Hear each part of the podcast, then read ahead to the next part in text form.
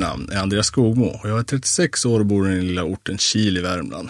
Jag har under de senaste 15 åren arbetat som turnéledare och merchförsäljare till band som Millencolin, Graveyard, Wrist Fist, Refused, No Fun At All, The Bronx och med flera.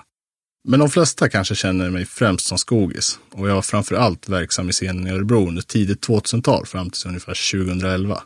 Där var jag delaktig i att bygga en av den tidens starkaste scener i Sverige och ser man tillbaka på det vi gjorde så kan man knappt tro att vi haft band som Parkway Drive, August Burns Red, Full Blown Chaos, Emure, Architects och många, många fler i en liten källarlokal i Örebro. Men det är inte det den här timmen kommer handla om, eh, om vi får ihop det på en timme. Inte primärt i alla fall, även om det kommer finnas tillfällen att blicka tillbaka på något av de gigsen. Eller ja, det törs jag nästan lova att det kommer. Det här avsnittet av Nere på Norr sommarprat har jag valt att tillägna den naivitet som man som ung och odödlig tog sig igenom det mesta med. Vi visste inte riktigt vad vi gjorde, men på något jävla sätt lyckades vi genomföra de mest dumma upptåg man kan tänka sig. Så här i efterhand kunde vår okunskap ha fått riktigt tråkiga konsekvenser. Flera gånger var vi nog egentligen bara tillfälligheter från döden. Men som sagt, det var inget vi tänkte på då eller ens övervägde. Vi var ju som sagt odödliga. Ni kommer att märka att ett band främst varit medbrottslingar i mina äventyr och det är Path of No Return.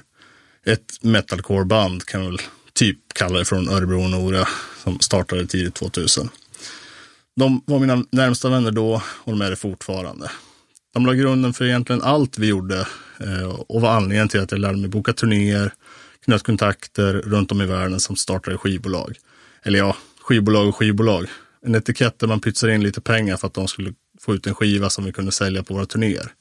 Det var jag och Daniel Nätterdal, Örebro Hardcores gudfader och numera poddlegendar som släppte den där första EPn Death is Promised som vi skickade till höger och vänster runt om i världen. Vi kan kalla det startskottet på en av många roliga och dråpliga historier.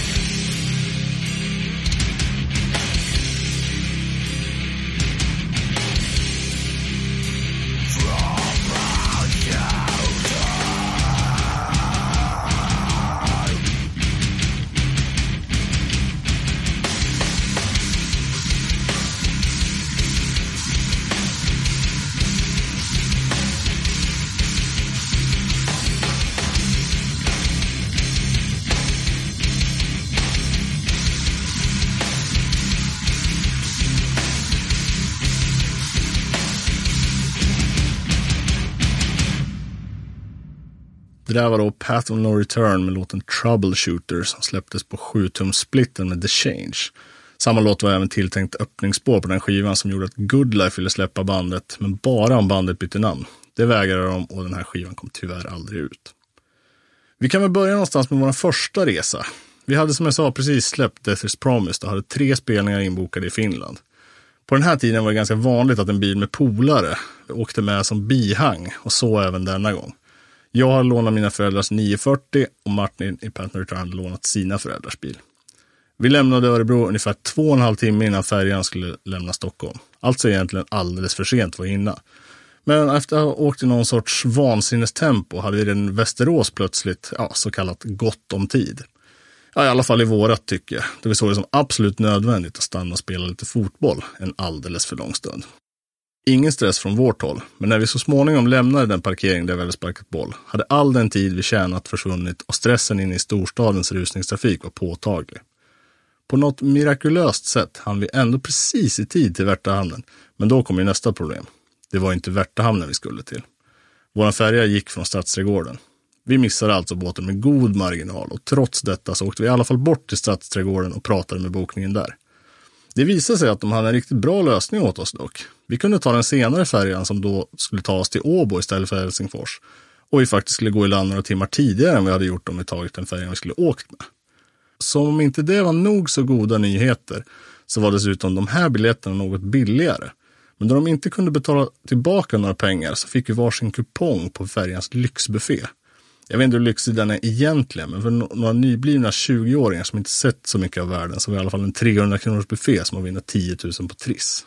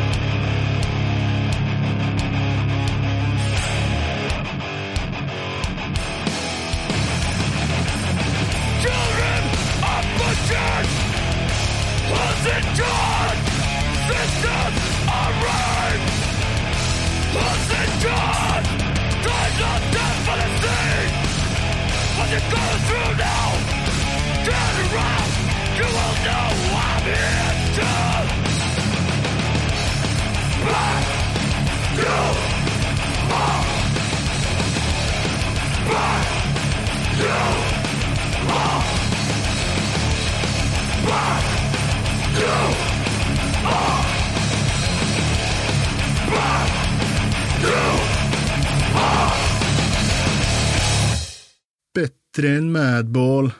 Ja, det var precis så alla som var gode Boris sålde in skivorna han först distade den i Sverige. Down My Throat med låten Real Heroes Die från skivan med samma namn. Vet inte riktigt när det här sänds, men den här skivan släpptes bara på CD tidigare och igår, den 28 maj 2021, så släpptes pre-ordern på vinylvarianten för första gången. Skivan är limiterad till 300 ex och den lär gå åt väldigt fort. Jag håller den här releasen som kanske den bästa hardcore-plattan i europeisk historia. Vi fortsätter med galna resor i Skandinavien och ja, jag är medveten om att Finland egentligen inte ska räknas dit. Men jag gjorde min research och det var tydligen helt okej okay att säga så. Men vi drar västerut, nämligen Norge och Stavanger lite mer specifikt. Eller ja, det var i alla fall dit det var meningen att vi skulle komma. När Path No Return släppte sin första EP så var den första utländska kontakten som ville ha skivan Lasse från Purified in Blood. Han mejlade mig om att han ville ha fem exemplar och sen skickade han pengar i ett kuvert. Har fortfarande kvar lappen han skickade mig i det kuvertet någonstans eftersom jag är mer eller mindre en hoarder av memorabilia. Västkust Hardcore ville boka Patov och där och då stod de för en av Nordens mest spännande scener. Jag menar, hur imponerad kunde man inte vara av att ett norskt band blev inbjudet att spela i Syracuse? Det är hardcore-mecka i USA där Earth Crisis och Path of Resistance var förgrundsfigurer. Jag gjorde lite research och jag minns det som att de banden även spelade med Purifying Blood där. Men det var tydligen inte riktigt så, även om det var lite coolt att höra att Carl sjöng Stand By när han spelade den covern. Hur som haver, vi åkte redan dagen innan spelning till Strömstad för att beta av lite av vägen redan då. Adams familj hade ett sommarhus där och vi hade fyllt en minibuss med kompisar som följde med bandet. Fet spelning och bra häng utlovades, men det kanske inte riktigt skulle gå som vi hade tänkt. Vi steg upp i ottan för att åka mot Stavanger och den norska västkusten. Glada i hågen som alltid på våra roadtrips begav vi oss av mot den norska västkusten. Vi kollade snabbt på kartan och ja, det måste ju gå mycket snabbare att åka småvägarna rätt igenom Norge än att åka runt hela kusten på motorvägen. Ingen invände direkt, men det var en av oss som absolut inte tyckte vi skulle åka den vägen. Problemet var bara att den som satt på den här informationen och blivit varnad av sin far att inte göra så, låg och sov när det här beslutet togs. Vi hade med andra ord kunnat undvika mycket trubbel rätt så enkelt. Om det bara var så att den här personen inte hade legat och sovit. Sagt och gjort. I aprilvädret och med nybytta sommardäck på den minibuss vi hade hyrt för resan tog vi oss från motorvägen vid Oslo och satte av rätt mot det norska inlandet. Att det skulle innebära viss kuperad terräng hade vi nog ändå räknat med. Men att vi skulle mötas av ett berg med snö det första vi gör tror jag ingen var beredd på. Här hade det smarta varit att vända om och inse att det nog inte är det första hindret vi möter men istället tryckte vi på gaspedalen samtidigt som sommardäcken sakta men säkert spann oss upp för backen. Väl på toppen insåg vi att vi även måste ner för samma berg. Eh, något som inte skulle bli lika oproblematiskt. Sommardäcken gled bara och till slut så går samtliga personer runt bussen samtidigt som vi rullar och glider ner från branta bergsvägarna. Flera gånger är vi nära vägräcken som leder rätt ner i avgrunden med stup på tiotals meter om vi skulle köra igenom dem. Väl nere för berget inser vi allvaret i situationen och att vi inte kommer klara det här utan hjälp. Vi stannar på en bensinstation och de skrattar oss rakt i ansiktet och frågar Vordan är det ens möjligt att komma sig här utan snökedjor? Det var alltså inte ens tal om bara vinterdäck. Eh, här kör de med hängsel och livrem. Vi köper ett set med snökedjor och en snäll lastbilschaufför hjälper oss att montera dem då detta inte är helt lätt heller. Eller det kanske det är, men vi har ingen större kunskap om bilar när vi är i 20-årsåldern. Killarna som gick fordon var det närmaste raggare och som ni alla vet, raggare och punkare, som vi då kunde identifiera oss värsta fiender. Stället vi hade hamnat på hette Dalen och kom senare i interna kretsar att bli känt som The Place Who Cannot Be Named av traumatiska skäl. Vi tuffade vidare med våra snökedjor och nu gick det lite lättare att ta sig upp och ner för bergskedjorna. Vi insåg mer och mer hur farligt det var att köra där vi var nu när vi typ bara mötte fyrhjulsdrivna jeepar och pickuper och ganska ofta hade de släp med snöskotrar på sig. Har ni någon gång sett filmen Trolljägarna så var det i det närmaste sådana snöklädda miljöer vi körde igenom och snön och vinden piskade mot minibussen. Problemen var såklart inte över och eftersom vi inte kunde köra snabbare än 50 km i timmen med kedjorna på räknade vi ju ganska snabbt ut att i den farten fanns det inte en chans att vi skulle hinna till Stavanger i tid. Vid det här laget hade vi nog redan annonserat att vi skulle bli sena och vi höll telefonkontakt med Hallgeir från Purified Blood lite då och då. Vi bestämmer oss i alla fall för att chansa och tar av snökedjorna för att hinna i tid. Vi ökar farten och kan i alla fall hålla 70-80 km i timmen utan att det känns alltför riskabelt. I en liten stund i alla fall, för plötsligt får bilen sladd och vi är på väg rakt ner i en sjö när Adam får kontroll på bilen. We almost fell off the road, får en något skärrad Linus ur sig på telefon till Alger. Engelska var brukligt och den västkustska norskan inte helt enkel att förstå. Hur som helst, vi fortsatte vår resa och de tappra konsertbesökarna stannade kvar trots att det började bli sent. Det hade varit ungefär 300 personer på spelningen och när vi fortfarande var i Kristiansand och klockan började närma sig tre på morgonen så var det fortfarande över 100 pers kvar. Nu är ju Kristiansand då tre, fyra timmar från Stavanger, så här någonstans fick vi väl ta beslutet att vi helt enkelt inte kunde fortsätta vår resa. Otroligt nedslagna över nederlaget, men samtidigt glada över att faktiskt överlevt vände vi hemåt. Den här gången så körde vi hem längs kusten.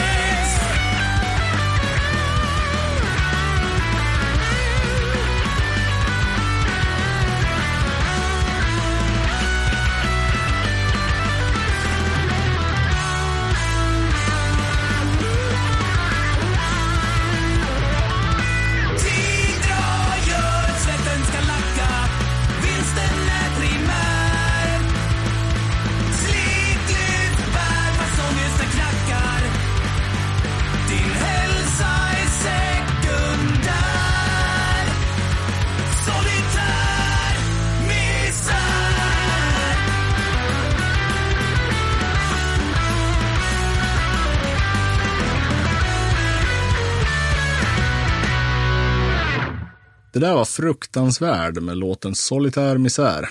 Bandet är aktuella med en split-LP med Lastkaj 14 på Second Class Kids. Ser fram emot att höra mer från detta band som förvaltar trallpunksarvet i Hofors-Gävletrakten efter radioaktiva räkor. Det hade varit ganska enkelt att undvika sådana fadäser som när vi hamnade i dalen i dagens digitala klimat med GPSer och information i allas telefoner. Det var ju dock inte riktigt så enkelt på den tiden vi började turnera. De flesta av oss hade kontantkortstelefoner och skulle någon vara så lycklig att de hade abonnemang så var man extremt försiktig med att använda telefonen annat än i absolut nödfall. Och då var det oftast hem till någons föräldrar man ringde för att be om mer pengar. GPS var det som sagt inte tal om, även om det såklart existerade. Vi pratar ändå inte om 50-talet utan någonstans mellan 2002 och 2009 här, så att det var inte stenåldern. Vi tog oss fram med en vägatlas och att ha skrivit ut vägbeskrivningar på hemsidan via Michelin. Inte sällan kunde det innebära 30 A4-ark med exakta instruktioner som sedan vid minsta lilla felsväng blev helt värdelösa. Den här naiviteten genomsyrar verkligen oss alla. Kanske mest oss som tog på oss någon sorts ansvar i form av bokning, körning eller planering, men även att de som inte gjorde det mer eller mindre la sina liv i våra händer och lät oss hållas. Allt detta till trots har vi hittat de mest obskyra klubbar vi letat efter i storstäder som Paris, Berlin, Madrid, Milano och som jag minns det egentligen utan några större förseningar. Jag vill gärna minnas att det beror lite på att jag alltid planerat efter några timmars marginal. Men det kan lika gärna vara en efterkonstruktion. Och ja, som ni har hört i de två tidigare historierna så verkar det det med tidsoptimism vara ett, ett genomsyrande tema. Jag vill i alla fall gå vidare med nästa historia som jag delar tillsammans med bandet Ad Arma. Eller X Ad Arma X för att vara helt korrekt. Ett band som kan beskrivas som grönsaksmangel och som var någon sorts lillebrorsband till Purified in Blood. Senare kom Maciek att joina Kvällertack och de har det ju gått rätt hyfsat för. Jag pratade med honom inför det här sommarpratet för att höra lite om hur han minns våra resor tillsammans och framförallt hur det kom sig att just jag fick åka med dem. Jag hade visserligen satt upp dem som förband till Hoods i Örebro något år tidigare, men jag lärde inte direkt känna dem då och jag, vi kom nog fram till att Boris måste haft med ett finger i spelet. Han släppte deras skiva och ja, det lät logiskt i alla fall. Det andra rimliga, men egentligen totalt ologiska förklaringen var att jag hade en bra deal på hyrbil. Kruxet var ju bara att den hyrfirman låg i Jönköping och bandet var ju baserat i Stavanger. Och jag bodde i Örebro. För er som inte snabbt kan se de här avstånden framför er kan jag berätta att det här är alltså en tre timmars tågresa till Jönköping för mig och sen en tolv timmars bilresa till Stavanger och sen vidare ut i Europa därifrån. Ja, den resan jag precis har berättat om alltså. Minus bergsvägen och den här gången via kusten och på motorvägen. Vi tyckte inte det här var orimligt, för vi ville på turné och på något sätt skulle det göras. Så jag satte mig gladeligen på tåget ner till Jönköping får sen köra till Stavanger och hämta bandet och deras utrustning. Jag fyller i här efteråt. Jag har pratat med deras trummis Fredrik som numera är bosatt i Sao Paulo och även ansvarig för det mesta av logistiken tillsammans med mig. Han berättade att det nog blev jag för att han hade sovit hos mig när Darman var på turné med Through the Mist of Tears. Det jag minns mest från den kvällen är att Through the Mist of Tears, som kämpade något oerhört med att vara politiskt korrekta, hade någon sorts kassa som man fick lägga pengar i om man sa något som inte var PK. Som jag minns det var den fylld till bristningsgränsen. Att vi hyrde bil i Sverige berodde mycket riktigt på att oavsett avstånden och bensinpengar fram och tillbaka till Sverige och sen ner i Europa så var det ungefär hälften så dyrt som att hyra en minibuss i det förlovade oljelandet Norge. Att jag inte ifrågasätter den här idén för att jag bara ville ut och åka får nog stå för mig och återigen, den genomsyrande naiviteten, eller peppen som vi kanske ska kalla det, nådde inga gränser på den här tiden. Turnén blev ändå lyckad. För att vara ett band som egentligen bara spelat i Stavanger och Sandnes, förutom en gång i Oslo och en handfull spelningar i Sverige, så skulle jag uppskatta att vi ändå hade någonstans runt 100 personer i snitt på spelningarna. Vissa mindre, vissa mer. Och det ska väl sägas att vi faktiskt flera gånger fick bra draghjälp när vi supportade bland annat Maroon, Nueva Etica, To Kill och X Destroy Babylon X. Det kanske mest minnesvärda gigget, ja, om vi ens får räkna det här då, var när vi skulle spela på Alter Picknickfest i Polen. Via grusvägar långt ute i skogen hittade vi till slut fram. Macieks polska påbrå var ovärderligt här då kommunikationen med arrangören endast fungerade på deras egna språk. När vi kommer fram erbjöds vi den veganska delikatessen ris och paprika. Inte riktigt vad man var sugen på efter den långa resan dit. Vi fick besked om att det var två band till som skulle spela, sen var det vår tur. Jag gick och kollade in deras distros och något som slog mig var att det till 95 procent bestod av kassetter. Och det var ju inget som var särskilt poppis 2007 och det borde aldrig blivit populärt igen. Alla bakåtsträvare som vurmar om dålig ljudkvalitet och opolitligt format för att det blivit coolt igen kan suck it. Det var ett litet sidospår. När de två nästa banden hade spelat och vi började göra oss i ordning kom arrangören och berättade att ja, det är en kille med sitar och ett band till och sen är det faktiskt våran tur. Ja visst, muttrar vi. Ingen fara på taket. Trötta efter den långa resan dit går vi och lägger oss i bussen. Alla somnar och när vi vaknar några timmar senare har vi fortfarande inte fått någon sentid. Nu börjar vi liksom undra vad som håller på och går och konfronterar arrangören som vädjande försöker förklara att vi snart ska få spela. Det här är nog runt midnatt och ja, det är ändå helt okej drag på publiken. Klockan tre försöker arrangören få oss att hoppa upp på scen. Då är typ åtta personer vakna, inklusive arrangören själv, ljudteknikern och en punkare som precis håller på att krypa ner i sin sovsäck framför scenen. Här någonstans har vi väl fått nog och Maciek försöker översätta de engelska, svenska, norska kvädesord jag och Fredrik får ur oss till arrangören. Det slutar med att vi får hälften av vårt gage, typ 500 slott eller något, och beger oss iväg med svansen mellan benen. Inget gig alltså.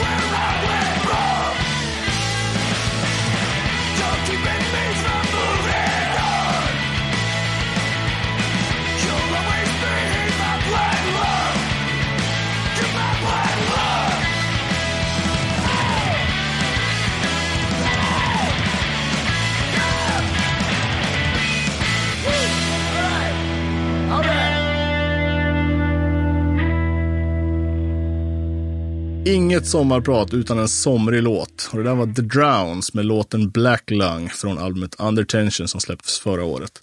Det var lätt den platta jag lyssnade mest på under 2020, så ge gärna de här goa Seattle-punkarna en lyssning. Det här med att det tydligen var problematiskt med att hitta ett fordon om man bodde i Stavanger återspeglas när vi året därpå skulle göra en vinterturné i Skandinavien. Det gick så långt att Sindre och Fredrik åkte runt i Norge och rekade bilar de potentiellt skulle kunna stjäla och tjuvkoppla för att ställa in turnén. Det var inget alternativ. Frågan är om det ändå inte hade varit bättre än vad vi till slut åkte i. Att hyra på vanliga ställen i Stavanger var ju alldeles för dyrt, det hade vi redan konstaterat. Om det var jag som vägrade göra den här vansinnesresan till Stavanger igen eller var anledningen till att vi återigen inte blickade mot Sverige kan tyvärr inte minnas. Det slutade i alla fall med att vi fick tag i en så kallad russebil. Och vad är en russebil undrar ni? Ni som har sett serien Skam kanske har en aning, men det är i alla fall studenterna som ofta går ihop stora gäng på 20-25 personer och pimpar en buss eller bil med graffiti, feta ljudsystem och massa lampor. Inte sällan överstiger investeringarna miljonbelopp och det har riktat stor kritik till den här slöserikulturen. Undrar varför. Nu var det inte riktigt den här typen av russebil vi fick tag i, utan en gammal omgjord ambulans. Det hängde en massa tyger i taket och på väggarna där bak. Och om jag inte minns fel var själva hytten pälsbeklädd. Som om inte det var nog var det airbrushet en sexig zombiesjuksyster som stod och fläkte upp både kön och bröst över hela motorhuven. Det här är ändå inte så länge sedan och det hade ju absolut inte flygit idag. Men det var alltså vad ett politiskt vegan straight band kuskade runt med på en Skandinavien-turné. Om jag hittar bilderna ska jag se till att Nere på Noll lägger upp den här bilen på sin Instagram. Året är 2010. Jag har precis blivit dumpad och är rätt knäckt över det. Jag sitter och pratar med min kompis John från Pennsylvania, trummis i CDC och kanske numera känd för att driva merchföretaget Cold Cuts Clothing. Han satt och bokade deras USA-turné och det lät som att det skulle bli ett stort projekt. Han frågade först skämtsamt om jag inte skulle haka på den nästan tre månader långa turnén.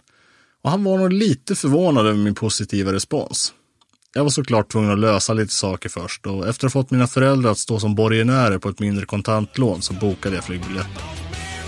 Det var första gången jag skulle besöka USA och nervös över att jag ens bli insläppt i landet trots att jag kryssat i nej på frågan om jag var inblandad i massmord, drogtrafficking eller haft några uppdrag av Nazityskland mellan 33 och 45.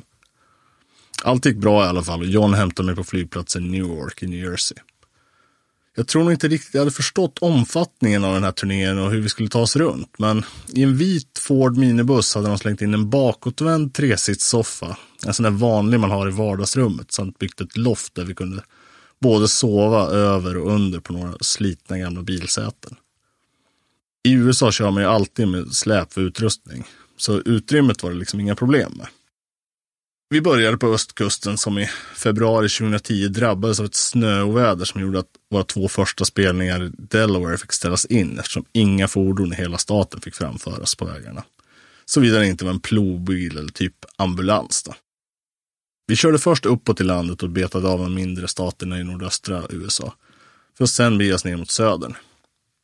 Vi körde från Albany, New York, ner mot Madison, Alabama och det här var en av de läskigaste bilresor jag någonsin har gjort. Längs vägen låg det, och jag överdriver inte, kanske lite, när jag säger att det var hundratals bilar i diket. Vägsträckan hade drabbats av så kallad black ice och det var snorhalt på asfalten. När vi väl kom fram till Madison var det dock nästan vårväder. Vi fortsatte vidare ner i Florida och dess tropiska klimat. Här fick vi bada i pool och precis här kändes det rätt lyxigt för första gången. Vidare gick resan genom Texas och ungefär här så tog väl lyxen slut igen. Vi sov på golvet hemma hos en av Johns kompisar och hans hus slash skjul var så infesterat av kackerlackor att vi alla lindade in oss i våra sovsäckar med endast munnen vid öppningen så vi skulle kunna andas. Jag gick ut och la mig i bilen istället. På kvällen spelade vi i en liten by nära mexikanska gränsen och vi trodde först att han sköt fyrverkerier i Mexiko, i alla fall att döma av ljudet. Vi fick dock förklarat för oss att det var mer troligt att det var skott vi hörde, då polisen och antagligen drogkartellen legat i luven på varandra i flera veckor. Det var väl här någonstans man som svensk medelklasspojke i 25-årsåldern känner att man är långt hemifrån. Vi skulle spela i Tijuana dagen därpå, men den amerikanska regeringen avrådde sina medborgare att åka in i landet under rådande situation. Inget gig alltså. Ett annat av mina starkaste minnen från den amerikanska södern var när vi var i Knoxville, Tennessee. Vi hade fått höra att det stod en man och grillade revbensspjäll lite längre ner på gatan. Och vi var ju hungriga så vi tänkte att ja, vi drar väl dit. Området vi bodde i var ganska enkel amerikansk medelklass och stället där det grillades låg var bakom en kulle. Vi gick bort dit och när vi kom över krönet så öppnades en helt ny värld. Det var som att komma rätt in i South Central LA med lowriders som hoppar, barn som spelar basket på gatan och tung hiphopmusik som skrålar över hela området. Jag ska erkänna att man blev lite rädd här och till och med de två amerikaner som jag hade med mig ryggade tillbaka lite. Vi visste inte riktigt vad vi gav oss in i, men så fördomsfria som vi försökte vara så fortsatte vi i alla fall nerför gatan. Tidigare på dagen hade jag införskaffat en I Love Barbecue-tröja på Walmart för 37 cent. Och den visade sig fungera bättre än en skottsäker väst i det här området. Då en bandana-klädd gangster lutar sig ut ur sin bil och ropar I love barbecue too man! Väl framme vid grillplatsen står den största man jag någonsin sett vid en tunna stor som en tankbil och röker revbensspjäll och grillar korv. När han hör att jag kommer från Sverige bjuder han oss på sin specialare samt lasta på lite extra ribs när vi gjort vår beställning. Det vi åt här är absolut godaste jag någonsin ätit på turné. Vi lämnar södern och tar oss vidare till Kalifornien och här hamnar vi återigen i smöret. Vi får bo hos bröderna Haynes, som för övrigt spelar i bandet Hammerfist tillsammans och även gästspelat i band som World of Pain, Hoods och Donnybrook. De har lite som ett hus där band kommer och går. Bland annat så repade Comeback Kid ihop sin skiva Die Knowing i deras garage. När man kommer dit så förstår man varför. Flera rum med bekväma övernattningsmöjligheter, en stor pool och ett utegym. Jag som älskar att bada har efter den här vistelsen återvänt till det här huset varje gång jag varit i Kalifornien. Det som kanske mest sticker ut på den här turnén och den del jag hade sett fram emot mest var att vi skulle spela på Hawaii. Hawaii hade i min barndom sett som ett drömresmål som har på något sätt sett som paradiset med olika stränder och sin miljö. Vi skulle göra tre spelningar fördelat på två olika öar och vi skulle vara där i hela åtta dagar. Alltså gott om tid för sightseeing. Oahu, ön där Honolulu ligger, som främst kanske är känd för Pearl Harbor och Waikiki Beach, var precis så drömmigt som man kunde tro. Vi hyrde bil och åkte runt och badade på nästan varje strand vi kunde hitta, samt hajkade in i regnskogen. Lite kul popkulturskuriosa är att vi badade i vattenfallet som kan skymtas i Jason Mraz-videon till världshitten I'm yours. Vi skulle som sagt till en ö till och det blev Big Island. Här började det kanske bli lite svajigare i organisationen. Efter att ha blivit jättebra omhändertagna på Oahu så börjar det inte så bra här. Vi var sex personer i vårt sällskap plus en hel del utrustning. Den som kommer för att hämta oss kommer i en Volvo 240 där man byggt igen baksätet. Det är alltså bara två säten i bilen och chauffören har med sig sällskap. Det finns alltså ingen plats för någon av oss och minimalt med plats för utrustning. Här ringer en vän som kommer med en lite större bil, men då även han har med sig sällskap så finns det max plats för tre av oss. Till slut när bil nummer tre kommer, kommer vi iväg. En snabb anekdot till från den här vistelsen är att jag förmodligen aldrig känt mig så stolt över att vara svensk som när vi går in i en liten närbutik på Hawaii och de spelar Save Tonight med Eagle Eye Cherry. Vi spelar på en utescen nere vid stranden och vår publik är typ tre emo-tjejer och deras pojkvänner. Urinvånarna på Hawaii har av historiska skäl inte en helt vänlig inställning till vita och när de börjar kasta sten på oss avlägsnar sig arrangören och försvinner med vårt gage samt utan att tala om vart vi ska sova. Vi tar skydd på en närliggande bensinstation och en vänlig person som sett vad som hänt erbjuder sig att betala för hotell. Helt otroligt snällt såklart och jag vet inte riktigt varför han gjorde detta. Han verkar vara lite imponerad över att vi var ett band, men sett till den publikattraktion vi verkade ha så borde han kanske låtit oss sitta kvar där. Han visade sig dock ha hjärtat på rätt ställe och guidade oss runt på ön dagen efter. Vi besökte ett aktivt lavafält och en strand där askan från den vilande vulkanen gjort sanden alldeles svart. Vi jobbar oss såklart hem härifrån också, men tyvärr inga intressanta historier på vägen tillbaka. Det hände såklart massa roligt här också, men av någon anledning har de minnena försvunnit. Kanske har det lite med att göra med att efter så här mycket tid tillsammans börjar det bli lite osämja i gruppen och alla blev lätt irriterade på varandra. Chatter Ram spelar i London. Jag och min gode vän Anders bestämmer oss för att åka. Vi ser att även Rancid ska spela med Stretch on Strong veckan innan. Återigen, vi ser inga direkta hinder, vi bara gör. Innan vi åker har Anders pratat med Matt, gitarrist i gruffbandet Nine Bar. Och det lät som att vi skulle kunna sova hos honom. Vi flög över och då min pappa sagt att när han var i London var det minsann sjukt billigt att åka taxi. Och det tog vi till orda på. Värt att tänka på var att min pappa förmodligen inte varit i London sedan 70-talet och att prisbilden förmodligen ändrats något. Vi brände ganska mycket pengar på taxi och sightseeing under våra första timmar i staden. Och sen åkte vi till Brixton Academy för att gå på Rancid-giget. Vi hade inte köpt några biljetter och tänkte väl att det ordnar sig som alltid. Problemet var ju bara att det var slutsålt och några 80 pund som de som krängde biljetter utanför ville ha, ja det tänkte vi ju inte betala. Vi kunde säkert inte betala det heller eftersom vi hade bränt alla våra pengar på taxi. Vi påbörjade nu projektet med att leta upp Matt, som vi smart nog varken hade adress eller telefonnummer till. Om jag minns rätt hette han typ Matt Anderson eller något sånt där superengelskt. Eh, och när jag ringde mina föräldrar för att be dem ringa den engelska nummerupplysningen för att hitta honom gav de nog i stort sett ett mission impossible. Det blev såklart inget med det och vi fick börja leta vandrarhem. Vi bad en taxichaufför att köra oss till ett område där han trodde vi skulle kunna hitta boende. Och jag tror att vi brände våra sista pengar på den resan. Vi hittade i alla fall ett vandrarhem och jag tror att vi på nåder fick sova där en natt för att sen ha våra föräldrar att skicka pengar dagen efter. Vi hade nu fyra dagar i London framför oss, utan pengar och egentligen ingenstans att bo. Vi fick i alla fall våra föräldrar att betala för vandrarhemmet. Men då vi inte hade några pengar till mat så bestämde vi oss för att stanna på rummet hela dagarna för att inte göra av med någon energi. Vi hade råd med varsin formfranska och en två liters vattenflaska. Det skulle räcka nu fyra dagar till oss båda. Som tur är hade vi i alla fall frukost inkluderat där vi bodde. Så vi åt oss mätta varje morgon samtidigt som vi snodde med oss marmeladförpackningar till vårt eget bröd på rummet. Till slut tror jag att vi även drack vattnet ur kranen för att vattnet tog slut i flaskorna. Vi spenderade dagarna med att kolla på tv och kanske främst barnprogram. Eh, I bästa fall tog vi en kort promenad runt kvarteret. Så här i efterhand så otroligt dumt att inte försöka se en sån vacker stad när vi hade så mycket tid. Men men, vi sparade energi och även 20 pund var så vi kunde köpa merch i alla fall på Shattered Dream-giget. När vi väl kom dit för spelningen var vi rätt trötta men ändå sjukt peppade på spelning. Det var Six Feet Ditch, Nine Bar och Undying som öppnade. Six Feet Ditch var någon sorts uppenbarelse av hur engelsk gruff skulle formas och komma av sen. Nine Bar däremot där vår tilltänkte husvärd Matt spelade var så dålig att vi inte vågade introducera oss av rädslan av att han skulle fråga vad vi tyckte om deras gig. Hur som helst, Chatterden var fantastiskt och det var första gången vi såg som våldsam mors. Man var livrädd och frälst på samma gång. Tänk er hundra fotbollshuliganer som försöker slå ihjäl varandra inne på Café 44. Så har ni typ en rätt representativ bild av hur det såg ut. Det har ju i slutändan alltid gått bra för oss, trots vissa svårigheter och jag skulle nog vilja påstå att vi haft en hel del tur.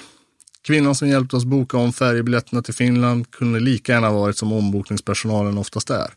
Gärna på Ryanair när de påpekar att det inte är ens första namn som står på biljetten utan ens tilltalsnamn varpå det ska kosta 600 kronor att byta till rätt. Helt orimligt tyckte man ju då när flygbiljetterna kostade 99 kronor. Pengar var ju inget någon av oss hade gott om då och så fort det blev oväntade utgifter så stod man där med mössan i handen. Vissa av oss åkte med ett studiebidrag på fickan och efter ett besök i första bästa distro så fanns det inte mycket kvar till mat och andra förnödenheter. Och visst kunde vi med lite otur krockat eller kört av vägen flera gånger med de dåliga fordon vi ändå åkt många, många mil med. Det finns oändliga historier och jag valde här att ta med de som handlar om turnéer främst. Vi gjorde även många sommarfestivalresor ner i Europa. Där vi bland annat ljög att vi hade fanzines och det köpte tyskarna som gav åtta personer biljetter och backstagepass utan att bråka. Det hade ju såklart aldrig gått i dagens digitala klimat där man ofta flera månader innan festivalen måste fylla i ett ansökningsformulär som ibland kunde vara värre än deklarationen. Jag har flyttat till både London och Stavanger, båda gångerna mer eller mindre utan plan på var jag ska bo eller vad jag ska göra. Men det har också löst sig. Ja, mer eller mindre i alla fall. Ingen av vistelserna blev särskilt långvariga, men det är en annan story. Jag hoppas att ni har uppskattat de här historierna. Att de i alla fall fått er att dra på smilbanden en och annan gång. Vissa av er kanske har känt igen sig på liknande problematik. Och i bästa fall har jag fått vissa av er att tänka, nej, det där kan inte vara sant. Till sist, en uppmaning till alla band som sitter och tvekar på om ni kommer kunna genomföra en turné. Vare sig det beror på okunskapen eller logistik eller ekonomi. Tänk inte så jävla mycket. Gör det bara.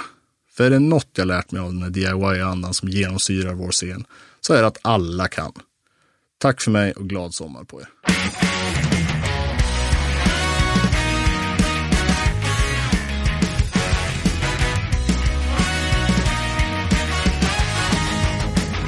Rest in peace is my broken brain. If it's all the same to you, then I'll come unglued. Motionless on the lawn, staring off into pale blue. Racing thoughts in the photo booth.